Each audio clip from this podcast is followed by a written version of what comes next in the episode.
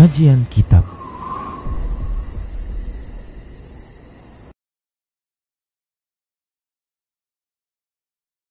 Bismillah, Assalamualaikum warahmatullahi wabarakatuh.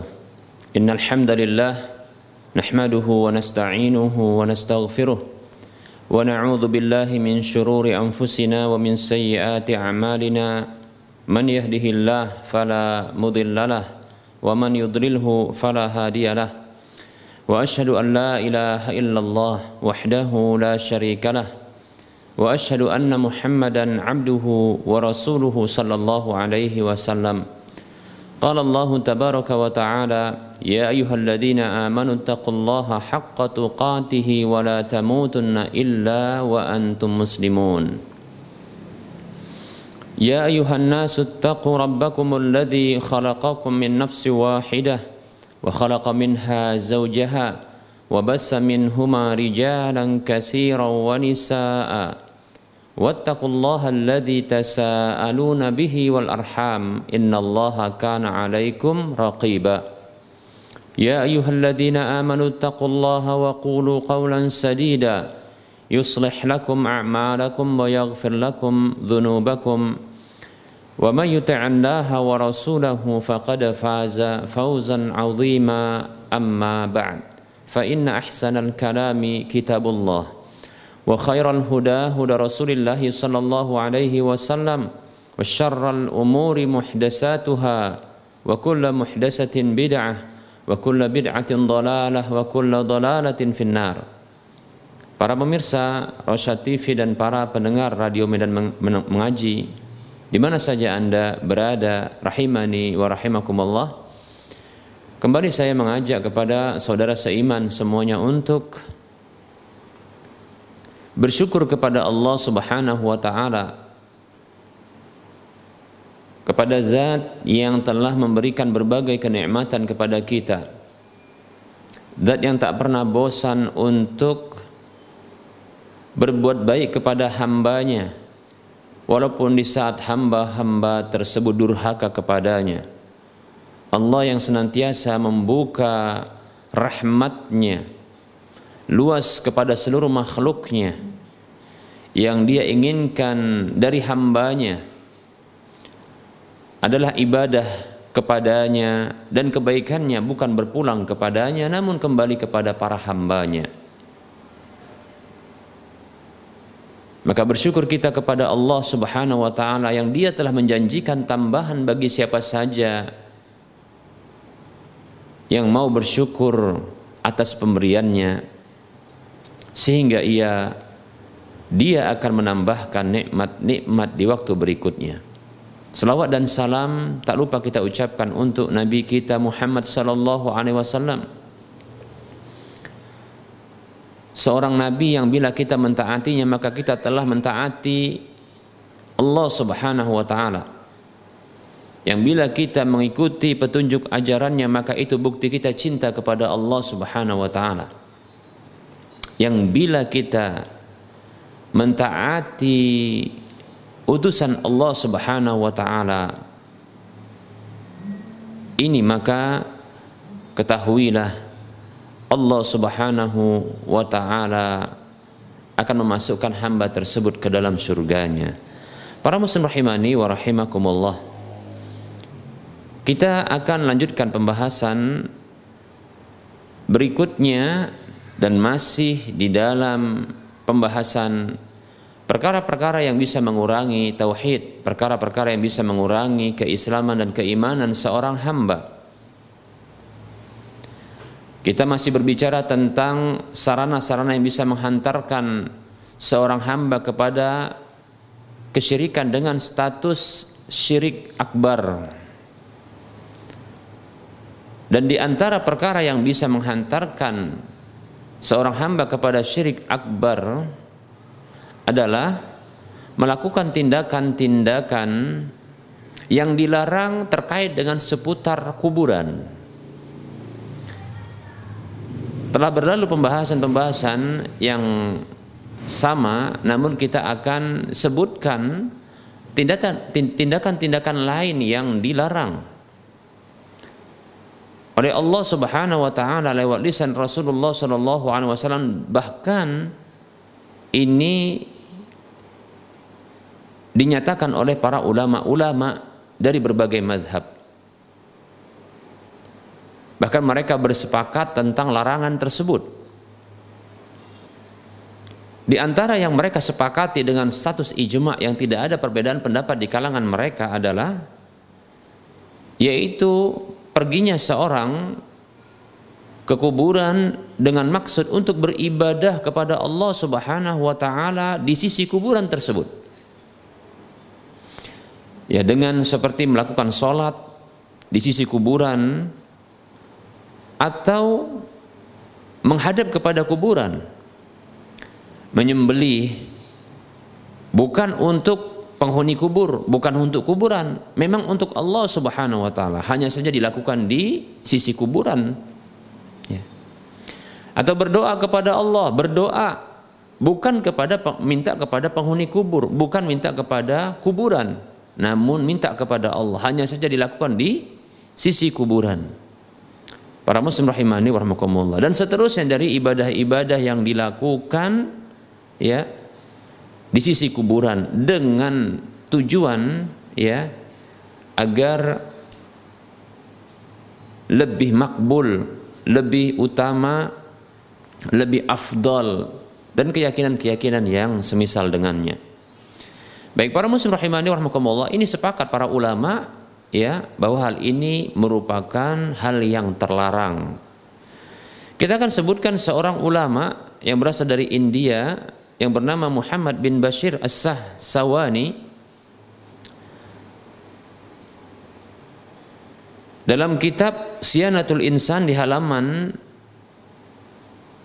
yang ke-265 ia mengatakan al-maqsudu minad du'a alladhi yunha anhu 'indal qabri indal qabri huwa ad-du'a alladhi yuqsadu ziyaratul qabri li ajlihi wa yudhannu anna wa yadhunnu atau wa yudhannu anna du'a indal qabri mustajabun wa annahu afdalu min ad-du'a'i fil masjidi fayuqsadu ziyaratuhu li ajli talabi hawaijihi wa amma ad-du'a li nafsihi indal qabri bil afiyati wa adami hirmanil ajri wa adamil fitnati taba'an lid-du'ail lid-du'ai li ashabil quburi wa tarahhumi alaihim wal istighfari lahum fala yunha anhu fala yanha anhu ahadun minal muslimina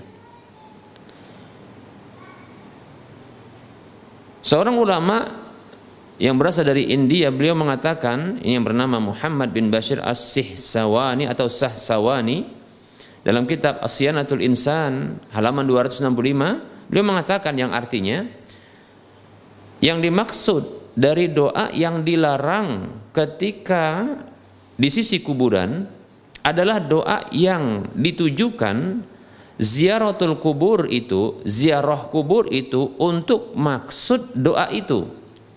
Jadi berziarah kubur maksudnya agar berdoa minta kepada Allah di sisi kuburan.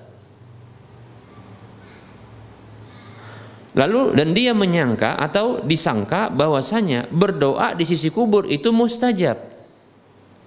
Dan bahwasanya doa seperti itu itu lebih afdal ketimbang doa yang dilakukan di masjid. Lalu dia pun melakukan ziaratul kubur ya agar dia bisa terpenuhi ya agar dia bisa meminta pemenuhan kebutuhan-kebutuhannya.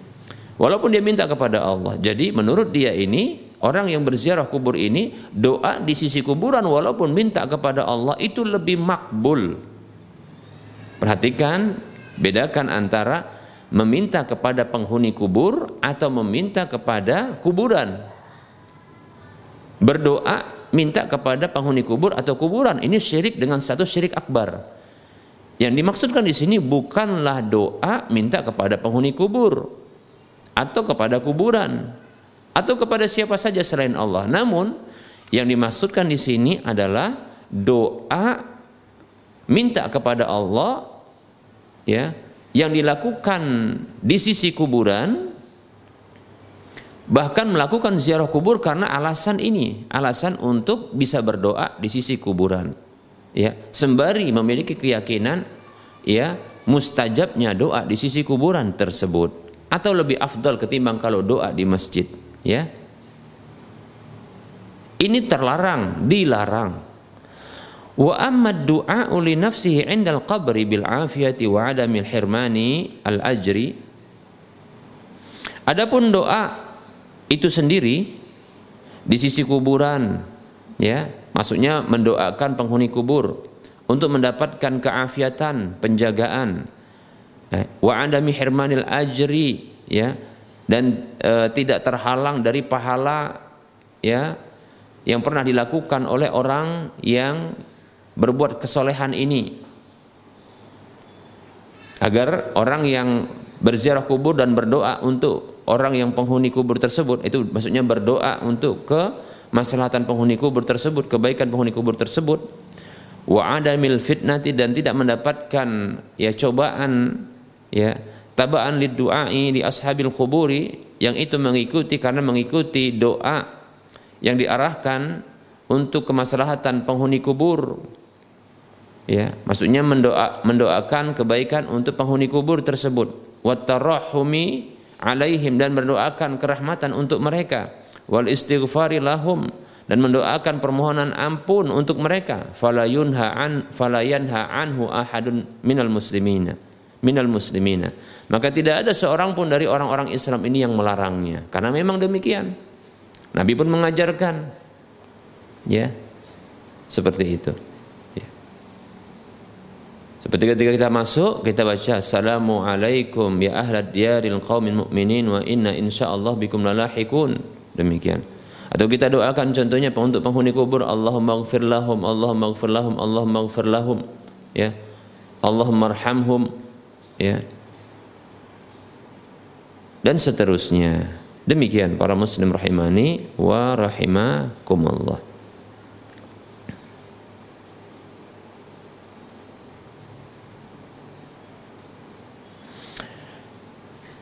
Baik para muslim rahimani rahimakumullah, kita akan sebutkan pernyataan dari ulama yang lain yaitu Ibnu Hazm rahimahullah taala dalam kitab Al-Muhalla juz yang keempat di halaman yang ke-32 beliau meriwayatkan ya sebuah riwayat tentang larangan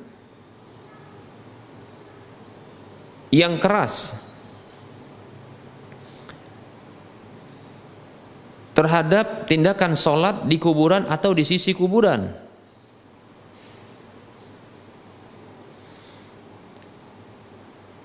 Dari sekelompok ya para sahabat radhiyallahu anhum disebutkan di antara Pendapat-pendapat tersebut adalah ya ada di antaranya perkataan dari Khalifah Ar-Rasyidin seperti Umar, Ali radhiyallahu anhuma.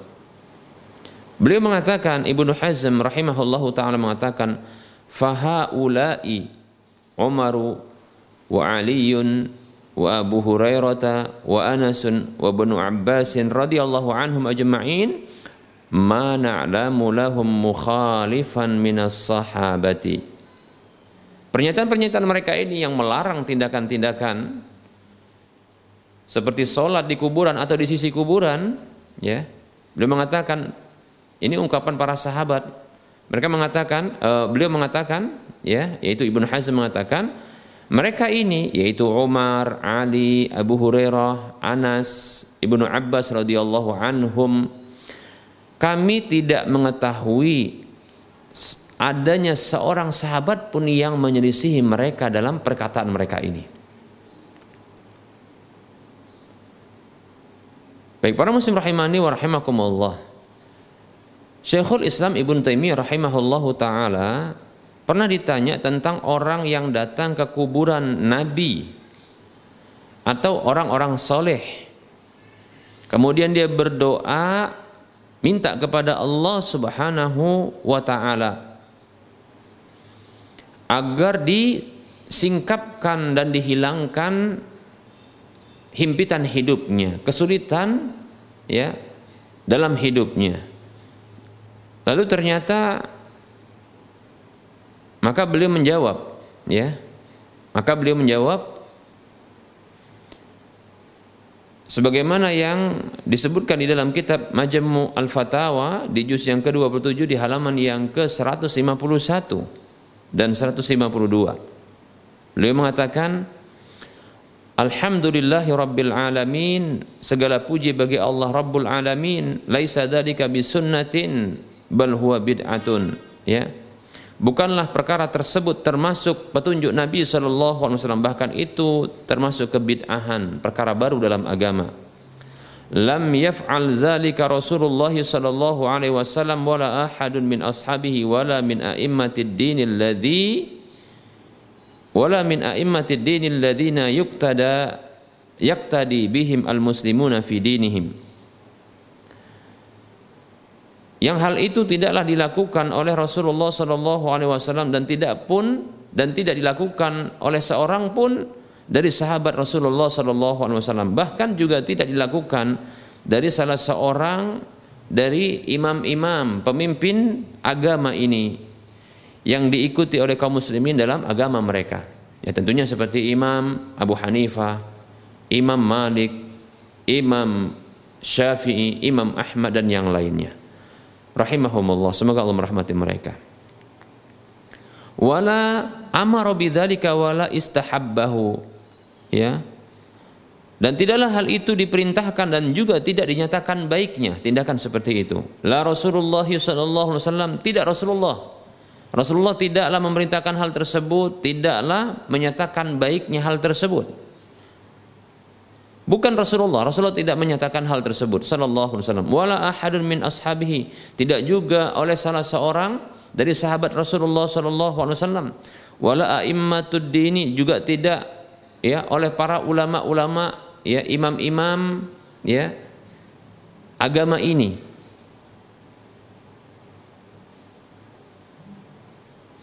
bal yu'rafu hadha an ahadin min ahli al-ilmi wad dini min al-qurun al-mufaddalati allati asna 'alaiha Rasulullah sallallahu alaihi wasallam min as-sahabati bahkan hal ini tidaklah dikenal dan tidak diketahui sedikit pun dari salah seorang ulama ahlu alul ilmi atau ulama agama ini. Dari generasi-generasi terbaik umat ini yang dipuji oleh Rasulullah Shallallahu Alaihi Wasallam mereka ini. Yaitu dari kalangan para sahabat radhiyallahu anhum ajma'in tabi'in tabi'ut tabi'in. La min ahli hijazi tidak juga dari ulama-ulama ya penduduk Hijaz. Wala minal Yamani juga tidak berasal dari ulama-ulama ya dari penduduk Yaman. Wala Syami juga tidak dari ulama-ulama penduduk Syam. Walal Iraqi wala Misra. Tidak juga dari ya ulama-ulama penduduk Irak Syam, uh, Mesir. Walal Maghribi juga tidak dari ya ulama-ulama penduduk Maghrib itu sekitar Maroko. Walau Khurasan tidak juga dari ulama-ulama yang berasal dari Khurasan wa innama ahdasa atau wa innama uhdisa ba'da zalika. Sesungguhnya perkara ini perkara ini yaitu apa? Datang ke kuburan Nabi atau selain Nabi sallallahu alaihi dari kalangan orang-orang soleh lantas berdoa di sana untuk pemenuhan hajat-hajatnya walaupun berdoa kepada Allah minta kepada Allah maka sesungguhnya hal ini hanyalah kata beliau wa inna ma uhdisa ba'da zalika. Ini hanyalah dimunculkan baru setelah itu. Baik para muslim rahimani wa rahimakumullah. Nah, ini pernyataan ulama kita. Ya. Jadi ini bukanlah ya perkara yang remeh. Ini bukanlah perkara yang sepele, tidak, ya. Rasulullah SAW tidak pernah mencontohkan hal tersebut, tidak pernah memerintahkan dan tidak menyatakan baiknya itu. Ini perkara baru dalam agama. Man amila amalan laisa alaihi amruna fahuwa raddun. Siapa saja yang beramal dengan sebuah amalan yang tidak ada perintah kami padanya, maka amal tersebut tertolak. Ya. Demikian para muslim rahimani wa rahimakumullah. Berikutnya kita akan sebutkan ya Perkataan seorang ulama yang ini uh, sudah beberapa kali kita sebutkan yaitu perkataan dari Mula Ali Qari yang bermadhab Hanafi dalam kitab Al-Mirqah di juz yang kedua di halaman yang ke-372 ketika beliau menjelaskan tentang hadis La tusallu ilal kuburi Janganlah kalian solat Kata Rasulullah Jangan kalian solat Mengarah ke kuburan. Beliau mengatakan yaitu uh, Ulama yang bernama Mula Ali Qari Yang bermadhab Hanafi Walau kana hadat ta'zimu Haqiqatan lil kubri Lil qabri Au li sahibihi haqiqatan La kafara al-mu'azzimu Fattashabbuhu bihi makruhun wa yanbaghi an takuna karahata tahrimin. Kata beliau, andaikan pengagungan seperti ini hakikatnya adalah untuk penghuni kubur, ya, untuk kuburan atau penghuni kubur secara hakiki, maka sungguh ya orang-orang yang mengagungkan tersebut itu terancam kafir. Meniru tindakan seperti ini itu dibenci meniru tindakan seperti ini adalah dibenci. Ya, yaitu apa? Apa tindakan seperti ini? Yaitu berdoa karena itu adalah ibadah di sisi kuburan walaupun minta kepada Allah. Wa bagi an takuna karahata tahrimin ya dan sangat layak ya ini menjadi satu yang dibenci yang berhukum haram. Demikian para muslim rahimani wa rahimakumullah. Baik berikutnya kita akan sebutkan pernyataan Al-Hafidh Al-Imam As-Suyuti yang bermadhab As-Syafi'i rahimahullahu taala dalam kitab beliau Al-Amru bil Ittiba' Al-Amru bil Ittiba' yaitu perintah untuk mengikuti petunjuk Nabi sallallahu alaihi wasallam. Di halaman yang ke-63 ketika beliau membahas tentang hukum hukum seputar kuburan. Beliau mengatakan wa amma in qasadal wa amma fa amma in qasada al insanu salata indaha awid du'a li nafsihi fi mahamihi wa hawaijihi mutabarrikan biha rajian lil ijabati indaha fahada ainul muhaddati lillahi wa li rasulihi sallallahu alaihi wasallam. Wal wal mukhalafatu lidinihi wa syar'ihi wabtida'u dinin lam ya'dan bihi Allah wala rasuluhu wala a'immatul muslimin at-tabi wala a'immatul muslimin al-muttabi'ina asarahu wa sunanahu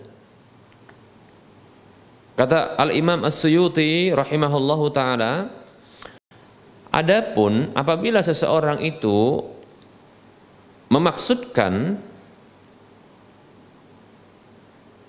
atau menunjukkan menyengaja Adapun apabila seorang itu menyengaja sholat di sisi kuburan atau dia berdoa untuk dirinya sendiri, ya, dalam kesulitan-kesulitan dan kebutuhan-kebutuhannya, maksudnya doa, ya, untuk dirinya sendiri, minta kepada Allah untuk kebaikan diri sendiri, ya, dalam kesulitan-kesulitan yang didapatkannya atau untuk pemenuhan kebutuhan-kebutuhannya. Mutabarrikan biha ya dengan cara dia bertabarruk ya ngalap berkah itu di sisi kuburan tersebut rajian lil ijabati indaha yang dia mengharapkan pengabulan doa yang di sisi kuburan tersebut. Fahada ainul muhadati lillahi wa rasulihi. Maka inilah ya hakikat dari penentangan terhadap Allah dan Rasulnya. Wal mukhalafatu lidinihi wa syar'ihi. Dan itu merupakan bentuk ya penyelisihan ya pelanggaran terhadap agama dan syariat Allah Subhanahu wa taala. Wabtida'u dinin lam ya'dan bihillahu wala rasuluhu. Dan ini merupakan bentuk membuat bid'ah dalam agama yang tidak diizinkan oleh Allah Subhanahu wa taala dan rasulnya sallallahu alaihi wasallam. Wala aimmatul muslimin al muttabi'ina asarahu wa sunanahu. Demikian pula tidak diizinkan oleh para imam-imam kaum muslimin yang mengikuti ya petunjuk dan ajaran Rasulullah sallallahu alaihi wasallam ini pernyataan Imam As-Suyuti yang bermadhab Asy-Syafi'i para muslim rahimani rahimakumullah ya Jadi tinggalkan. Bila Anda bermadhab Syafi'i atau Anda bermadhab Hanafi atau Anda bermadhab Hambali ya. Atau Anda bermadhab Maliki, tinggalkan ya. Berdoa di sisi kuburan ya dengan mengharapkan keterkabulan lebih cepat ya atau ada keyakinan itu lebih afdal dilakukan ketimbang di tempat yang lain walaupun minta kepada Allah ini perkara baru dalam agama. Yang per, yang tak pernah diperintahkan oleh Nabi Shallallahu Alaihi Wasallam dan tak pernah dinyatakan baiknya oleh Nabi Shallallahu Alaihi Wasallam ya. Begitu juga tidak pernah diperintahkan dan dinyatakan baik oleh para sahabat tabi'in tabi'ut tabi'in para ulama-ulama Islam ya dari berbagai madhab demikian. Kecuali dari orang-orang yang sesungguhnya bukan ulama tapi diulamakan. Demikian para muslim rahimani wa rahimakumullah. Kita kembali akan sebutkan pernyataan seorang ulama yang bermadhab Hanafi al-Imam Al-Barkawi dalam kitab Ziaratul Qubur halaman 6 ini sudah diulang-ulang ya. Tapi tak mengapa ya. Ini supaya jelas ya. Beliau mengatakan wa qad sarraha ammatut tawaifi bin nahi an bina'il masajidi 'alaiha ay 'alal quburi was salati was salati ilaiha mutabi'atan minhum lisunnati mutaba'atan minhum lisunnati sahihati sarihati. Sungguh seluruh kelompok atau madhab dalam Islam ini mereka menyebutkan secara jelas dan gamblang tentang larangan membangun masjid di atas kuburan dan sholat menghadap kuburan sebagai bentuk mengikuti sunnah petunjuk hadis yang sahih dari Nabi sallallahu alaihi wasallam dan yang sarih yang jelas gamblang. Wa nassa ashabu Ahmad wa Malik wa Syafi'i bitahrimi dzalika dan ulama-ulama mazhab Imam Ahmad bin Hambal, Imam Malik bin Anas, Imam Asy-Syafi'i ya menyatakan secara jelas dan gamblang tentang pengharaman hal tersebut.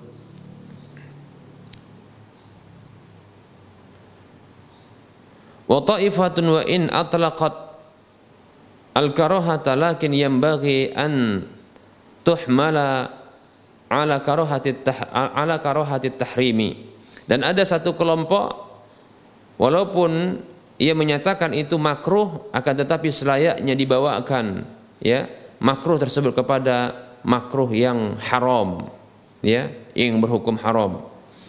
Ihsanan lidzanni bil ulama'i sebagai bentuk berbuat baik ber atau berprasangka baik ya kepada para ulama. Wa alla yudhannu bihim wa alla yudhanna bihim an yujawwizu fi'la ma tawatara 'anil nabi sallallahu alaihi wasallam la'na fa'ilihi wan nahya anhu dan agar tidak disangka terhadap para ulama tersebut bahwasanya mereka itu membolehkan melakukan sesuatu yang telah mutawatir riwayat dari Nabi Shallallahu Alaihi Wasallam bahwa beliau itu mengutuk mengutuk ya pelakunya dan melarangnya. Pelaku dan melarangnya. Apa itu tindakan yang dilakukan oleh ya apa tindakan yang dikutuk dan dilarang tersebut yaitu sholat menghadap kuburan.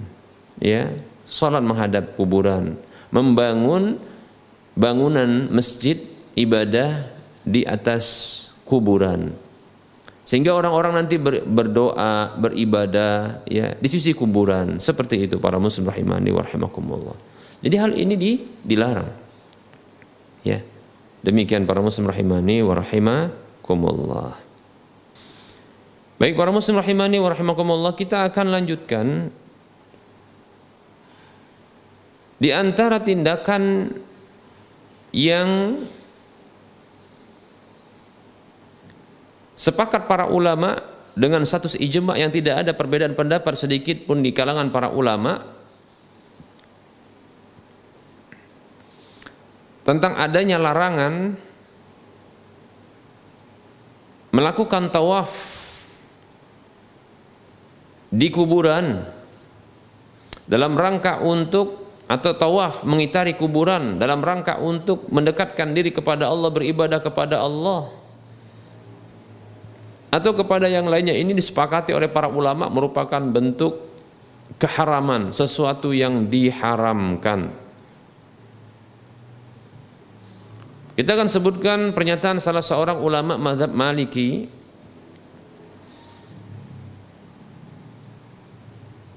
yaitu Al-Kinani yang bermadhab Asy-Syafi'i dalam kitab Hidayatus Saliki dalam pembahasan tentang ziarah di juz yang ketiga di halaman yang ke 1391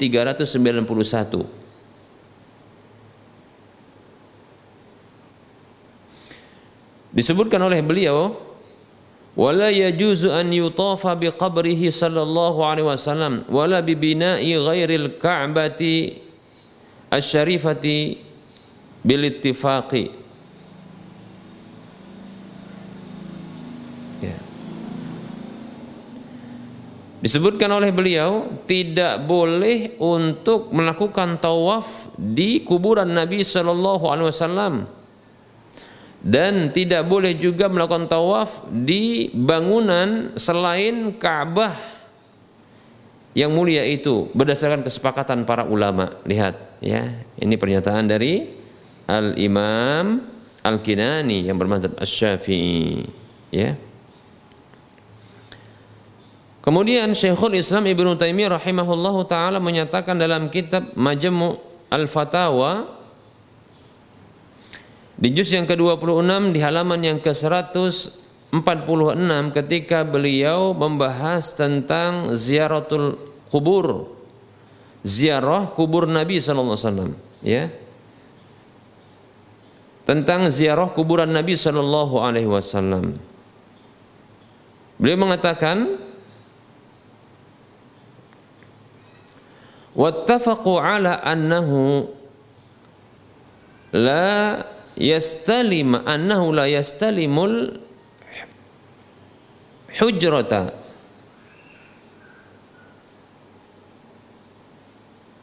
wala yuqabbiluha wala yuqabbiluha ولا يطوف بها ولا يصلي إليها. وإذا قال في سلامه السلام عليك يا رسول الله يا نبي الله يا خيرة الله من خلقه يا أكرم الخلق على ربه يا إمام المتقين. فهذا كله من صفاته بأبي, هو وأمي صلى الله عليه وسلم. ولا يدع هناك مستقبل الحجرة. fa inna hadza kullahu manhiyun anhu bil, bil bittifaqil a'immati. Beliau mengatakan dan mereka para ulama telah bersepakat bahwa tidak boleh menyentuh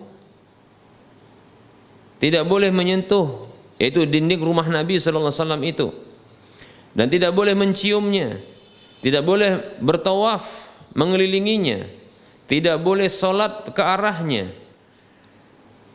Apabila orang yang berziarah tersebut mengucapkan ketika salamnya, mengucapkan salamnya, Assalamu alayka ya Rasulullah Keselamatan atas anda wahai Rasulullah. Ya Nabi Allah Wahai Nabi Allah. Ya khairatallahi min khalqihi Wahai makhluk terbaik.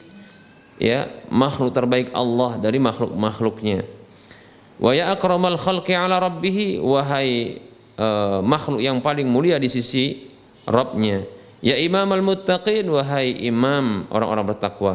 Fahada kulluhu min sifatihi bi abi ummi bi abi huwa wa ummi sallallahu alaihi wasallam. Maka ini semuanya ya ini merupakan ya termasuk sifat-sifat Nabi yaitu ungkapan-ungkapan ini ketika mengucapkan assalamualaikum assalamualaikum ya Rasulullah disebutkan ya sifat-sifat Nabi seperti yang kita sebutkan barusan maka ini merupakan sifat-sifat Nabi ya dan ini maka tidak masalah ya Demikian. Wala yad'u hunaka mustaqbilal hujratin. Tidak boleh orang yang berkunjung berziarah kuburan Nabi sallallahu alaihi wasallam ini berdoa di sana menghadap kepada rumah Nabi itu. Ya. Atau dinding Nabi, maksudnya eh, tempat Nabi sallallahu alaihi wasallam itu dikuburkan. Ya. Fa in hadza kulluhu fa in hadza kulluhu manhiyun anhu. Ya. Bittifaqil a'immati. Karena sesungguhnya hal ini semuanya ini dilarang berdasarkan kesepakatan para imam-imam kaum muslimin. Ya.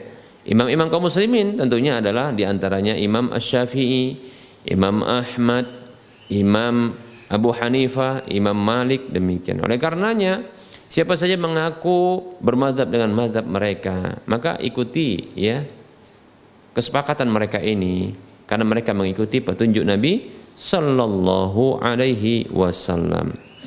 Baik para muslim rahimani wa rahimakumullah. Nah, ini dia ini dia uh, pembahasan yang bisa kita sebutkan pada pertemuan kali ini ya. Masih banyak insya Allah taala ya pernyataan-pernyataan para ulama tentang larangan-larangan ya. Terkait dengan uh, kuburan dan insya Allah taala kita lanjutkan pada waktu mendatang insya Allah taala. Bila ya Allah sementara memberikan kesempatan kepada kita ya. Baik. Kita berikutnya eh, akan melangkah kepada sesi soal jawab.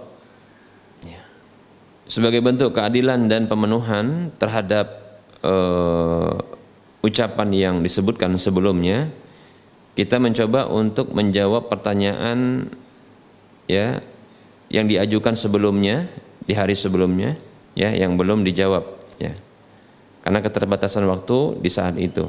Nah berikut ini kita akan mencoba untuk menjawab pertanyaan yang telah masuk ya di hari sebelumnya yang belum terjawab.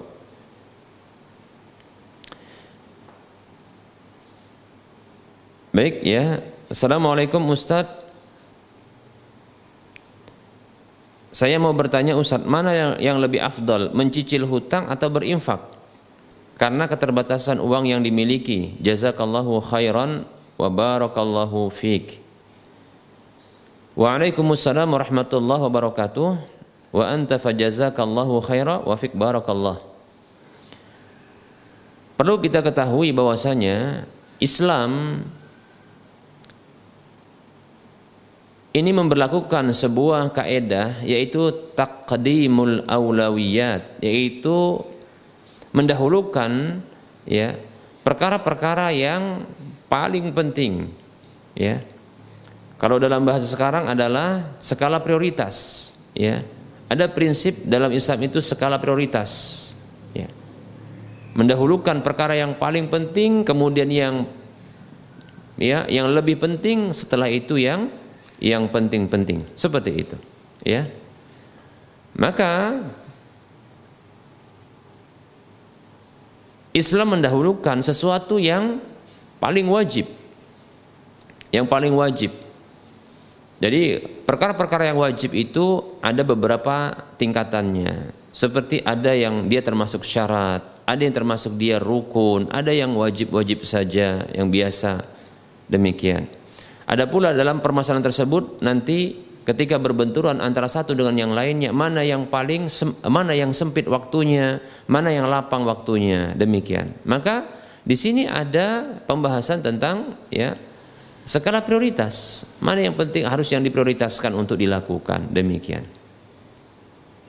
Baru setelah itu pelaksanaan terhadap yang sunnat ya. Dan itu sunat pun ada beberapa tingkatannya. Ada disebut dengan sunnah muakkadah ya. Ada yang sunnah ghairu muakkadah. Nah seperti itu. Baik para muslim rahimani wa rahimakumullah. Ya para ulama mereka sepakat bahwasanya hutang ya hutang itu adalah perkara yang wajib untuk dibayar hutang ya bila kita melihat dari hukum ya dari sisi hukum, maka hutang itu perkara yang wajib yang untuk dibayar, baik baik itu hutang kepada Allah maupun hutang kepada manusia. Ya. Terkait dengan hutang kepada manusia, Rasulullah Shallallahu Alaihi Wasallam bersabda, "Nafsul mu'mini mu'allaqatun bidainihi hatta yuqda anhu." Jiwa seorang mukmin itu terkatung-katung bergantung dengan hutangnya sampai dibayarkan. Lihat hadis riwayat Tirmidzi. Oleh karenanya, ya ini wajib sampai ancamannya demikian. Adapun infak dan sedekah, ya yang saya duga dari pertanyaan ini adalah infak yang bersifat sunat, bukan infak dari harta yang bersifat wajib seperti contohnya zakat. Ya. Maka tentunya didahulukan pembayaran hutang baru kemudian berinfak. Nah, itu dia. Ini secara mutlak demikian yaitu apa? Itu mendahulukan yang wajib ketimbang yang sunat. Karena ini adalah ya e, karena hutang itu membayar hutang adalah wajib kemudian berinfak ini adalah sunat yang saya duga adalah infak yang berhukum sunat demikian. Ya. Baik para muslim rahimani warahmatullah para ulama saja ya di antara mereka atau mayoritas mereka berpendapat bahwasanya apabila berbenturan antara pembayaran hutang dengan zakat yang kita tahu zakat itu adalah wajib maka terlebih dahulu adalah melunasi hutang baru membayar zakat. Ya. Seperti itu. Yang ini merupakan adalah infak wajib. Lalu bagaimana dengan infak yang sunat? Ya tentunya ya tidak boleh kita dahulukan dia di atas ya di atas pembayaran hutang demikian. Baik, mungkin e, kasusnya yang dimaksudkan adalah bersamaan dengan membayar hutang ini karena hutang tersebut ini e, berstatus cicilan, bercicil gitu membayarnya. Apakah boleh bersamaan dengan itu untuk berinfak? Nah, ini barangkali e, kasus yang berbeda lagi. Karena hutang di sini atau kondisinya adalah berbeda lagi, yaitu karena kondisi hutang ini bukan hendak dibayarkan sekaligus. Ya, tapi saya condong kalau seandainya pembayaran hutang tersebut ya ini bisa untuk disegerakan maka saya condong lebih utama untuk menyegerakan pembayaran hutang. Walaupun ada jatuh tempo atau waktu batas waktu jatuh temponya untuk dibayar cicil. Maka saya condong untuk uh, mengarahkan harta yang tersisa setelah pembayaran cicilan hutang itu diarahkan untuk mencicil di waktu berikutnya atau bahkan disegerakan untuk me, apa namanya e, dibayarkan agar kemudian lebih mudah berikutnya. Karena belum tentu ya Allah Subhanahu wa taala melapangkan rezeki di waktu berikutnya. Bisa jadi sempit demikian ya Tentunya tidak bijaksana ketika mendahulukan infak yang hukumnya sunat dengan ya menyimpan uang untuk dibayarkan ya cicilan hutang pada periode berikutnya. Demikian. Ya, ini tidak bijaksana tentunya. Sementara bisa jadi nanti ketika Ya, di waktu berikutnya ketika jatuh tempo cicilan berikutnya ternyata dia tidak memiliki uang karena telah mendahulukan pembayaran uh, telah mendahulukan infak. Nah, ini sebuah hal yang tidak bijaksana tentunya. Maka jika kita mampu untuk menyelesaikan pembayaran hutang ketika ada harta kita ketika kita punya harta ketika kita punya harta yang cukup untuk menutupi hutang kita atau cicilan hutang kita beberapa waktu ya maka jangan ikuti cicilan yang ada di waktunya. Ya, sementara kita memiliki harta yang lebih untuk bisa kita ya tutupi semua hutang kita. Atau kita menutupi sebagian besar dari hutang kita. Demikian. Maka selesaikan segera ya. Karena sesungguhnya hutang ini para muslim rahimani wa rahimakumullah ya. Walaupun sudah ditanggung oleh orang lain ini hutangnya namun belum dibayarkan secara kontan dan lunas ya oleh orang yang menanggungnya kepada orang yang telah pernah memberikan piutang kepada kita maka ketahuilah hutang tersebut membawa efek buruk di alam kubur. Orang yang punya hutang itu akan disiksa ketika hutang tersebut belum dibayarkan. Ya. Sebuah hadis dari Jabir radhiyallahu anhu yang mengatakan, "Mata rajulun minna, telah wafat salah seorang ya laki-laki di antara kami. Lalu kami mandikan dia, kami kafani dia, lalu kami berikan wewangian, lalu kami hadirkan di sebuah tempat yang biasa Nabi SAW mensolatkannya. Lalu kami undang Rasulullah, kami beritahu Rasulullah SAW. Maka Rasulullah bertanya kepada para sahabat ketika itu, apakah orang ini punya hutang? Lalu dikatakan ada dua dinar. Maka Rasulullah SAW mengatakan, ya keengganannya untuk mensolatinya. Dalam riwayat yang lain disebutkan, Sallu ala sahibikum. Salatilah sahabat kalian ini. Abu Qatadah yang mendengarkan pernyataan Nabi SAW tersebut maka ia menyatakan dirinya untuk siap menanggung hutangnya. Katanya dua dinar itu menjadi tanggungan saya. Rasul mengatakan, apakah dua dinar itu masuk ke dalam hartamu? Ya kemudian itu menjadi tanggunganmu. Ya dan si mayat ini terlepas darinya maka Abu Qatadah mengatakan, naam iya wahai Rasulullah. Maka Rasul mensolatinya seterusnya sampai penyelenggaraan jenazah selesai yaitu dikuburkan setiap kali Rasul bertemu dengan Abu Qatadah, Rasulullah bertanya sallallahu alaihi wasallam tentang dua dinar itu. Abu Qatadah belum bisa menjawab karena belum diselesaikan. Ya. Kemudian beliau pun datang ya, setelah menyelesaikan pembayaran tersebut di beberapa waktu ya. Beberapa waktu setelah penguburan itu Datanglah Abu Qatadah radhiyallahu anhu mengatakan qad qadaituhuma aku telah membayarkan dua dinar itu wahai Rasulullah. Maka Rasul mengatakan al-ana hina barrata alaihi jildahu sekaranglah baru saja saatnya engkau mendinginkan kulitnya. Perhatikan ya. Tentunya ini ya ini hadis yang diriwayatkan oleh Imam Ahmad kalau tidak salah dalam musnadnya ya. Hadis yang dihasankan oleh Syekh Al-Albani rahimahullah atau disahkan Syekh Al-Albani rahimahullah taala. Tidaklah panas kulit melainkan karena adanya sebab panas yaitu api. Dan tentunya ini karena ia terbakar. Telah ditanggung hutang pun belum menyelesaikan ya urusan orang yang pernah berhutang. Kecuali sampai dibayarkan. Oleh karenanya ya dahulukan pembayaran hutang. Ketika kita memiliki Uang berlebih jangan diarahkan kepada hal yang sunat-sunat yang lainnya. Seperti itu, ya. Wallahu taala alam. Ada pertanyaan, Assalamualaikum. Afan Ustadz mau bertanya, bolehkah kita tidur tapi membelakangi kiblat? Kemudian apakah berdosa jika selonjoran kaki tidur tapi di depannya ada Al-Quran? Jazakallahu khairah. Ya. Wassalamualaikum ya. Ade T Purwakarta Jawa Barat.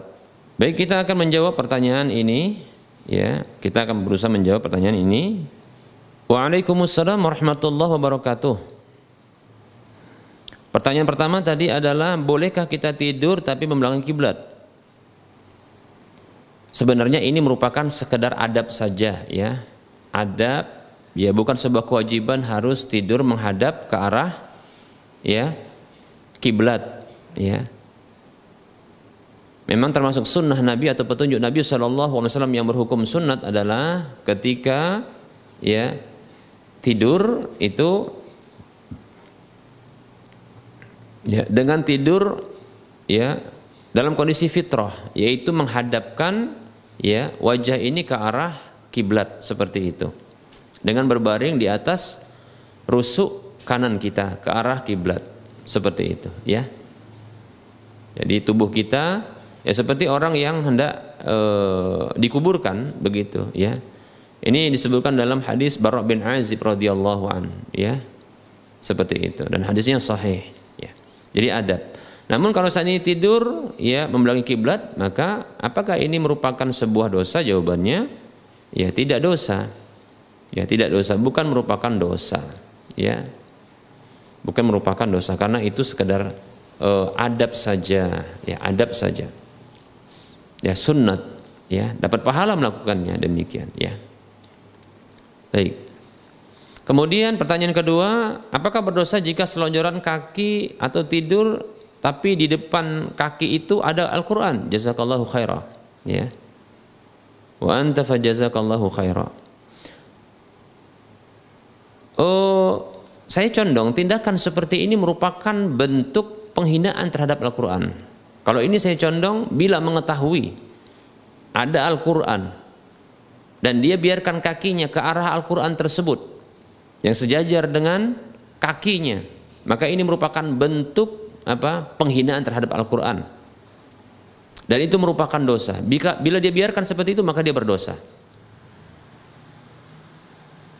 para muslim rahimani wa rahimakumullah ketahui sesungguhnya ya ketahui sesungguhnya Al-Qur'an itu kalamullah firman Allah Al-Quran itu adalah surat-surat cinta Allah.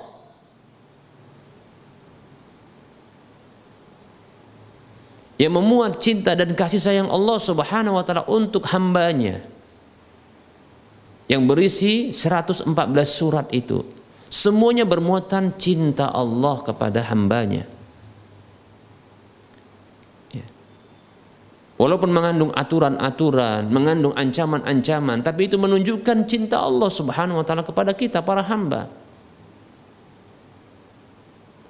Apakah kita tega? Zat yang mencintai kita, surat cintanya itu kita arahkan kaki kita kepadanya. Ya. Andaikan kita, kita membuat ilustrasi supaya mudah. Kita mendapatkan surat yang berisi tentang perhatian dan kasih sayang dari seseorang yang kita muliakan. Seperti ayah kita, mungkin bos kita, tempat kita bekerja, atau seterusnya yang kita muliakan. Yang mulia di sisi kita orang tersebut. Ya. Yang kita ya menaruh segan dan disebabkan karena adanya wibawa pada dirinya di sisi kita. Maka tentunya suratnya itu tidak kita hinakan dengan cara ya mungkin kita arahkan kaki kita ke arahnya tidak. Karena sebagai bentuk memuliakan ya memuliakan orang yang berwibawa di sisi kita. Lalu bagaimana dengan Allah Subhanahu wa taala? Zat yang cinta dengan kita dan telah memberikan berbagai kebaikan kepada kita. Dia adalah zat yang maha mulia. Akankah kita hinakan surat cintanya, kalamullah, kalamnya, ungkapannya, ya itu dengan diarahkan kaki kita kepadanya. Ini bentuk penghinaan tanpa disadari. Allah berfirman di dalam surah Al-Hajj ayat 32, A'udzu billahi minasyaitonir rajim. Dzalika wa may yu'azzim sya'airallahi fa innaha min taqwal qulub. Yang demikian itu dan siapa saja yang mengagungkan syiar-syiar Allah Subhanahu wa taala, maka itu termasuk apa? ketakwaan hati. Maka agungkan. Perhatikan para muslim, miliki sebuah prinsip. Ya. Yaitu apa? Kemuliaan itu terdapat pada pemuliaan. Apa maksudnya? Kemuliaan kita itu sejalan dengan diri kita yang memuliakan. Pemuliaan kita terhadap apa saja dimuliakan oleh Allah Subhanahu wa taala. Ya. Sebesar pemuliaan kita terhadap apa saja dan siapa saja yang dimuliakan oleh Allah Subhanahu wa taala, maka sebesar itu Allah Subhanahu wa taala bahkan lebih lagi Allah Subhanahu wa taala akan memuliakan kita. Nah, apabila kita memuliakan, mengagungkan syiar-syiar Allah Subhanahu wa taala, maka sesungguhnya itu merupakan bentuk ketakwaan hati kita. Dan ketahui para muslim rahimani warahmatullah, Allah mengatakan inna akramakum indallahi atqakum sesungguhnya orang yang paling mulia di sisi Allah di antara kalian itu itu atqakum adalah orang yang paling bertakwa di antara kalian. Oleh karenanya kemuliaan Allah Subhanahu wa taala itu Allah berikan kepada orang yang bertakwa dan di antara sifat ketakwaan adalah memuliakan syiar-syiar Allah. Makanya saya katakan tadi, ini sesungguhnya pemuliaan dibalas pemuliaan. Kita melakukan tindakan memuliakan, maka kita mendapatkan balasan, ya. Allah yang memuliakan kita. Seperti itu. Nah, apabila kita memuliakan ya Al-Qur'an yang itu adalah kalam Allah, maka ketahui ya sesungguhnya Allah akan memuliakan kita. Dan jangan sampai kita menghinakan dengan mendudukinya. Ada sebagian orang Masya Allah mereka membaca Al-Quran. Ini tidak adab ini saya katakan. Tidak punya adab bahkan ini merupakan bentuk dosa. Saya meyakini sebagai bentuk dosa. Yaitu membaca Al-Quran dengan meletakkan Al-Quran itu sejajar dengan kakinya, dengan bokongnya dan kemaluannya. Diletakkan di lantai. Na'udzubillahi min Tidakkah dia bisa meletakkan sesuatu ya yang lebih tinggi seperti bantal di hadapannya agar Al-Qur'an itu bisa diletakkan di atasnya? Atau sekarang ada semacam papan yang bentuknya ya silang begitu ya untuk meletakkan di atasnya begitu ya.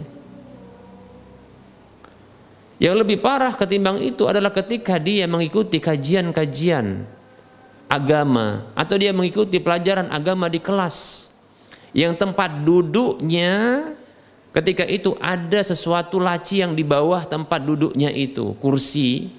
Lalu dia meletakkan Al-Quran itu di bawahnya atau meletakkan hadis-hadis Nabi. Buku-buku agama itu diletak di bawahnya. Na'udzubillah min talik ini merupakan bentuk penghinaan lebih parah ketimbang tadi yang saya sebutkan. Dan ada pula sebahagian orang yang meletakkan Al-Quran, buku-buku agama, tulisan-tulisan pelajaran agama itu di jok di jok sepeda motornya, lalu dia duduk di atasnya.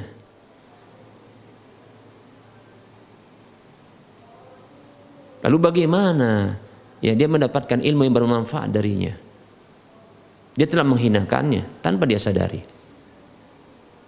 Maka miliki prinsip, ya, Bila kita ingin dimuliakan oleh Allah Subhanahu wa taala, maka muliakanlah apa dan siapa saja dimuliakan oleh Allah Subhanahu wa taala. Tapi dengan pemuliaan yang tidak berlebihan tentunya. Maka ketahui sesungguhnya pengagungan dan pemuliaan atau kita katakan pemuliaan tersebut itu merupakan bentuk ketakwaan hati.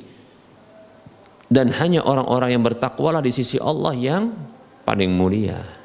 Semakin takwa maka semakin mulia di sisi Allah. Wallahu taala a'lam. Waalaikumsalam warahmatullahi wabarakatuh. Kita akan lanjutkan pertanyaan berikutnya. Bismillah, Assalamualaikum Ustaz. Ummu Ima di ujung di ujung Tanjung. Jika seorang perukiah merukiah dengan ayat-ayat Al-Qur'an namun dia bisa berkomunikasi dengan jin yang ada dalam tubuh pasien dan yang saat ini ada seorang wanita merukyah lawan jenis dengan bersentuhan dan ada juga seorang perukyah disebut ustaz namun bisa mengetahui masa lalu pasien. Apakah metode-metode rukyah tersebut syar'i atau tidak? Wahai ustaz, barakallahu fiik. Waalaikumsalam warahmatullahi wabarakatuh. Wa fiik barakallah. Metode rukyah yaitu membacakan ayat-ayat Al-Qur'an atau doa-doa hadis dari Nabi Shallallahu Alaihi Wasallam, doa-doa dari hadis Nabi Shallallahu Alaihi Wasallam yang meminta kepada Allah, maka ini adalah dibacakan ya tanpa harus melakukan persentuhan, tidak masalah. Ya. Allah Subhanahu wa taala berfirman dalam surah Al-Isra ayat 82 Allah mengatakan, "A'udzu billahi minasyaitonir rajim wa nunazzilu minal qur'ani ma huwa syifaa'u wa rahmatun lil mu'minin." Wala yazidu dhalimina illa khasara. Dan senantiasa kami turunkan dari Al-Qur'an tersebut syifa kesembuhan. Baik itu untuk orang muslim atau orang kafir. Tapi dia dan dia adalah rahmat bagi orang-orang beriman. Dan tidaklah Al-Qur'an itu menambahkan kepada orang zalim kecuali kerugian Perhatikan di sini, Al-Quran kalau dibacakan, ini akan memunculkan kerugian kepada orang yang berbuat dolim dan orang yang kerasukan adalah seton yang merasuki tubuhnya. Dan seton itu adalah dolim, jin. yang zalim mengganggu seorang manusia. Maka apabila kita membacakan tanpa harus menyentuhnya, maka itu akan mendatangkan kerugian. Lalu untuk apa kita menyentuhnya? Demikian. Lebih-lebih lawan jenis. Saya katakan, baik itu laki-laki ataupun perempuan, maka tidak perlu untuk menyentuhnya dan tidak perlu pula untuk berkomunikasi dengan jin tersebut, tidak perlu. Ya. Tidak perlu. Berkomunikasi dengan jin yang sedang dirukyah tersebut, jin tersebut yang sedang diusir dengan cara merukyahnya, ini hanya akan membuat jeda dirinya sehingga dia bisa beristirahat dari kerugian tersebut. Oleh karenanya jangan jangan beri jeda sehingga dia akan bertahan terus, maka baca terus. Ya. Sebagai pengalaman saya pernah melakukan rukyah. Ya, seorang wanita yang saya ketika itu mendapati ya, wanita ini adalah murid saya ketika itu. Ya. Maka saya minta untuk dihadirkan dengan memakai tabir tirai. Ya. Saya menolak untuk merukyah langsung. Lalu saya rukyah. Ya. Lalu orang-orang sekitarnya bertanya, apakah harus dipegang Ustaz? Tidak perlu dipegang, tidak perlu disentuh. Padahal mereka adalah para wanita. Ya. Biarkan dia hanya saja larang dia ketika dia hendak contohnya keluar dari ruangan lalu ya melompat seperti itu dari ketinggian atau melakukan tindakan-tindakan yang lain seperti itu. Maka di balik tirai itu saya rukyah. Saya baca. Alhamdulillah 100 ya mungkin kalau lebih ikhlas seseorang ya lebih berilmu ya. Mungkin mungkin baca bismillah saja sudah sudah mungkin hilang itu pergi itu jinnya. Ya karena mungkin keterbatasan saya. Tapi sebagai pengalaman bahwasanya tanpa dengan menyentuh pun tanpa harus melihat pun ya. Tanpa harus berkomunikasi pun ya ini bisa 100 di ayat yang ke-100 kurang lebih ya dari surah Al-Baqarah itu saya bacakan alhamdulillah telah sadar pergi. Dan saya tidak memedik, mem, melakukan jeda demikian. Kenapa? Karena saya berkeyakinan wala zalimina illa khasara dan tidaklah menambahkan Al-Qur'an itu kepada orang zalim dan setan itu adalah zalim dia merasuki manusia kecuali kerugian didapatkan. Kerugian saya yakin itu. Seperti itu. Lebih-lebih bila disentuh Sementara ini tidak halal, bukan istri dan bukan mahram. Maka berlaku hadis Nabi sallallahu alaihi wasallam, la an yuta'ana fi ra'si ahadikum bimikhyatin min hadidin khairun lahu min khairun lahu an yamassa imra'atan lam tahilla lahu. Hadis riwayat Tabrani kalau tidak salah, hadisnya sahih. Kata Nabi Shallallahu Alaihi Wasallam, sungguh ditusuknya pada kepala salah seorang di antara kalian dengan pasak dari besi itu lebih baik, lebih ringan, lebih baik bagi dirinya ketimbang dia itu menyentuh wanita yang tidak halal baginya. Seperti itu. Ini tindakan-tindakan perukiah yang keliru seperti ini. Maksud baik tapi cara yang keliru demikian. Maka tidak perlu untuk menyentuhnya, tidak perlu juga untuk berkomunikasi dengannya. Saya kira ini keliru. Ya, tidak paham yang seperti ini. Dan bukan hanya kira, tapi saya yakin itu keliru, apalagi sampai menyentuh. Demikian. Ya. Nah, yang lebih parah daripada itu adalah sampai ya perukiah ini bisa mengetahui masa lalu dari pesa, pasien itu. Nah, ini dukun yang seperti ini, araf yang seperti ini. Walaupun dia ustadz disebut dengan ustadz. Kita tidak tahu ya. Seorang perukiah itu sesungguhnya dia manusia biasa tidak tahu masa lalu tentang orang ini karena itu perkara gaib kecuali kalau orang tersebut cerita. Dari mana dia mengetahuinya? Kalaulah tidak dari tebak-tebakan atau dari syaitan yang ada di sekitarnya yang membisikkan kepada dia, kan begitu. Akhirnya berarti ini dukun yang bekerja sama dengan setan-setan. Ya yang hanya ya bertamengkan dengan label ustadz atau dengan kalimat rukyah rukyah dengan. Ini keliru yang seperti ini tidak syar'i yang seperti ini. Ya. Kata Nabi SAW ya man ata'arrafan siapa saja yang datang kepada iya tukang ramal tuh iya kahinan dukun dan seterusnya ini mirip seperti itu ya lalu dia bertanya atau dia membenarkan apa yang dikatakannya maka tak akan diterima sholatnya selama 40 hari. Hadis riwayat muslim. Tinggalkan jangan.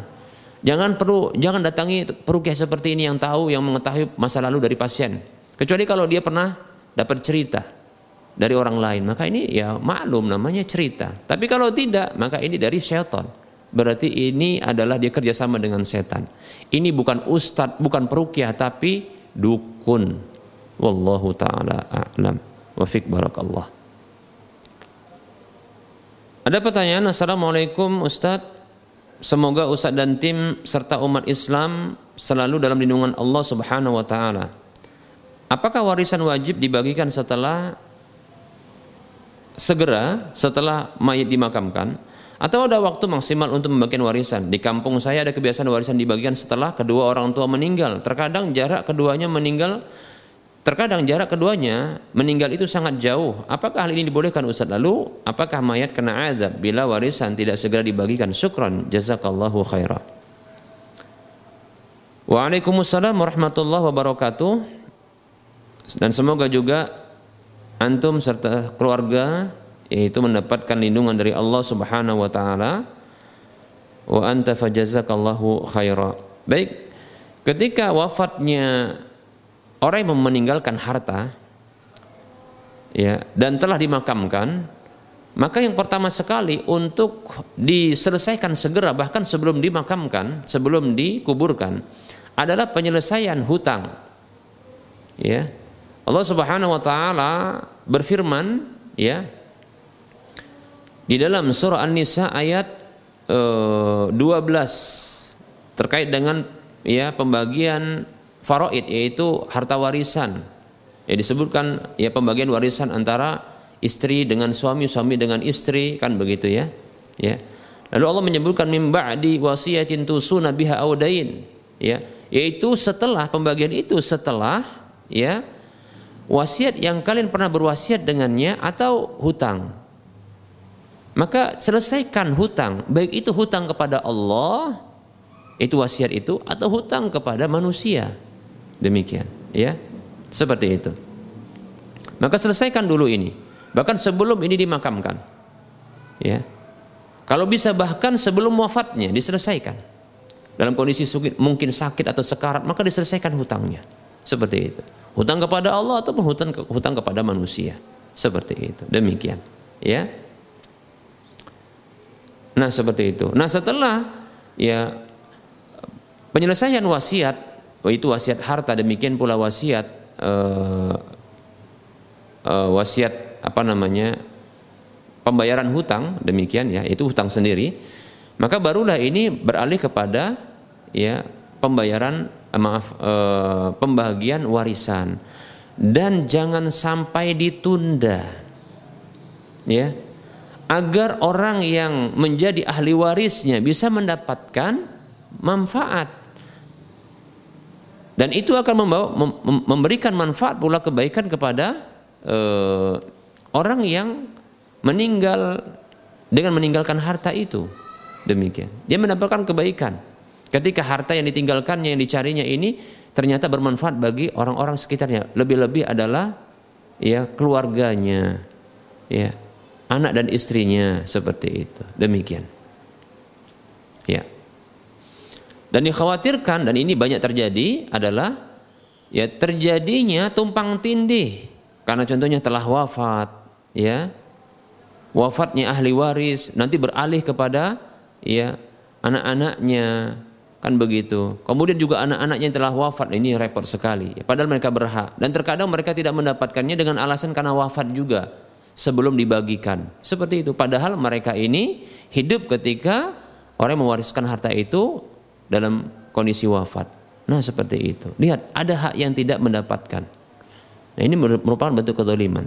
Adapun orang tua apakah disiksa atau kena adab yang telah wafat ini meninggalkan harta ini ketika ditunda ya e, pelaksanaan pembagian warisan tersebut ya maka ini dirinci kalau seandainya mereka ini mewasiatkan dengan bukan wasiat harta, tapi wasiat untuk tidak membagi. Atau wasiat dengan wasiat yang menghilangkan hukum waris. Maka mereka ini bisa kena ya kena dosa. Kena dosa dan ini kalau nggak Allah ampunkan maka Allah akan adab dia.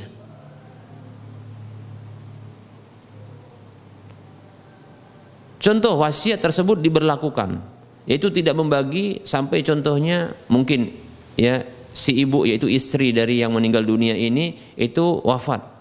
Ternyata ada anak-anak yang mereka terlilit hutang sampai pun mereka mendapatkan kemudorotan yang sesungguhnya bisa diselesaikan dengan harta warisan tersebut. Bila ini di wasiat orang yang telah wafat ini ini diberlakukan sehingga terdolimilah sebagian anak itu atau ahli ahli waris yang lainnya, maka ini bisa mendapatkan dampak buruknya ini. Karena dia mewasiatkan. Ya. Bahkan saya condong bahwasanya kalau seandainya berbenturan antara wasiat ini. Contoh ada seorang tua yang mengatakan ini jangan dibagi dulu ya. Ambil dulu keuntungan dari contoh kebun ini. Karena kebun ini masih apa namanya? masih berbuah ya ambil saja. Nanti kalau setelah ayah wafat maka ambil saja ya e, hasil kebunnya lalu dibagi sesuai dengan warisan. Katakanlah seperti itu. Ya jangan di jangan dijual untuk dibagikan. Baik. Ini wasiat yang bagus ya agar bisa memberikan manfaat. Namun bila berbenturun dengan maslahat ahli waris Ternyata setelah wafat di beberapa waktu berikutnya atau bulan berikutnya ternyata ada salah satu salah seorang ahli waris yang terlilit hutang atau dikarenakan kebutuhan untuk penyelesaian ya perobatan untuk keselamatan jiwa. Nah ini ternyata dituntut untuk dibagi. Nama, namun ini ditunda, maka tidak benar. Bila berbenturan antara wasiat orang tua dengan masalah ahli waris, sementara orang tua ini telah wafat, maka sesungguhnya harta itu beralih kepada ahli waris. Tidak ada hak orang tua ketika itu. Maka wasiat seperti ini bisa dibatalkan. Wallahu taala a'lam. Baik ada pertanyaan. Assalamualaikum Ustaz, apakah saya berdosa ketika anak tidak ingin mendengarkan suara saya lagi via telepon? Dikarenakan saat anak saya usia 8 tahun saya dan suami bercerai anak diambil oleh mantan suami saya dan mantan suami bilang dengan saya kalau anak saya trauma dengan suara saya padahal saat sekolah TK dan SD kelas 1 anak saya sangat dekat dengan saya namun tiba-tiba sekarang berbalik arah. Syukran Ustaz. Waalaikumsalam warahmatullahi wabarakatuh. Untuk uh, saudari yang bertanya ini semoga Allah Subhanahu wa taala memberikan kebaikan selalu kepada saudari dalam rumah tangga saudari. Dan semoga saudari juga mendapatkan ya anak-anak yang saleh dan salihah insyaallah taala. Amin ya rabbal alamin ya. Dan semoga juga ya anak yang saat ini bersama dengan ya mantan suami ini bisa ya untuk berbakti kepada saudari dan kepada ya orang orang tuanya yang lainnya. Itu e, mantan suami saudari ya yaitu ayahnya. Baik e, tentunya bukanlah merupakan dosa. Karena ini bisa jadi sebabnya bukan faktor pribadi bukan karena saudari yang melakukannya. Tapi bisa jadi mungkin pengaruh dari ya pengaruh dari mantan suami itu ayahnya yang mempengaruhi dirinya demikian ya. Kecuali barangkali bila saudari memiliki kesalahan yang belum dimintakan maaf ya kepada mereka ini. Sehingga mereka ini ada kekhawatiran yang besar ya e, terhadap sebuah kesalahan tersebut. Oleh karenanya ya barangkali saudari ber, e, kalau memiliki kesalahan atau dosa maka bertobat kepada Allah Subhanahu wa taala dengan taubatan nasuha. Bila terkait dengan hak manusia maka mintakan maaf kepada mereka seperti itu. Lalu ya berdoalah kepada Allah Subhanahu wa taala agar ya anak ini ya bisa menjadi anak-anak yang soleh dan solehah. Demikian ya. Dan memberikan juga tentunya ibu-ibu baru tentunya sang suami nanti ini kan menikah atau telah menikah. Ya jadikanlah berdoalah agar ya orang tua yang baru ini atau ayahnya atau orang tua barunya ini ibu barunya ini ini adalah ibu yang solehah sehingga bisa mendidik ya anak saudari menjadi anak yang soleh atau soleha demikian seperti itu ya, doakan kebaikan untuk mereka ya senantiasa. Walaupun kerinduan sebagai seorang ibu ya ini terkadang ketika terhalang ya untuk bisa bertemu untuk mendengarkan suara berbicara ini tidak bisa dipungkiri. Saya bisa rasakan itu. Ya saya bisa rasakan itu. Makanya saya berdoa ya kepada Allah Subhanahu wa taala dan semoga para pendengar sekalian juga turut mendoakan ya. Karena memang ya berpisah dengan seorang ibu begitu menyedihkan saya berdoa kepada Allah Subhanahu wa taala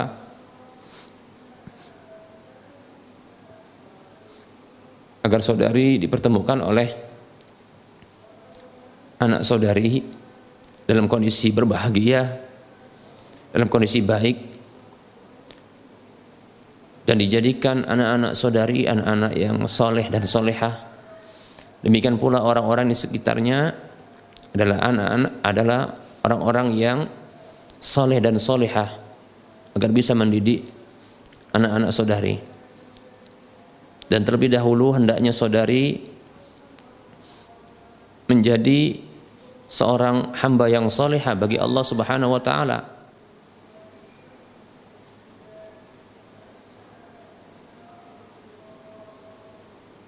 Lalu berdoa kepada Allah agar mantan suami saudari adalah seorang ayah yang saleh dan anak saudari adalah anak yang saleh atau salihah dan ibu barunya adalah ya ibu tiri yang salihah Begitu juga anak-anak yang nantinya ya menjadi saudara-saudara bagi anak-anak saudari ini adalah mereka yang soleh dan soleh semua.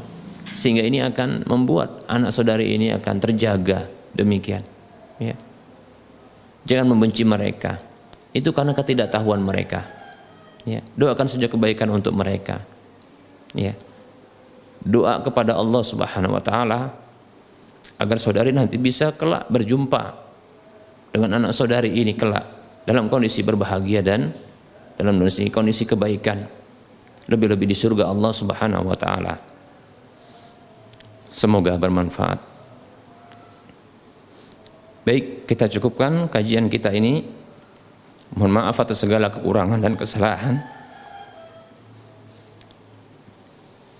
Kebenaran datang dari Allah Subhanahu wa taala. Kesalahan datangnya dari saya pribadi dan bisikan syaitan kepada Allah saya mohon ampun dan kepada para pemirsa dan para pendengar sekalian saya mohon maaf sallallahu ala Muhammad wa ala alihi wa ashabihi ajma'in subhanakallahumma wa bihamdika asyhadu an la ilaha illa anta astaghfiruka wa atubu ilaika walhamdulillahi rabbil alamin. Assalamualaikum warahmatullahi wabarakatuh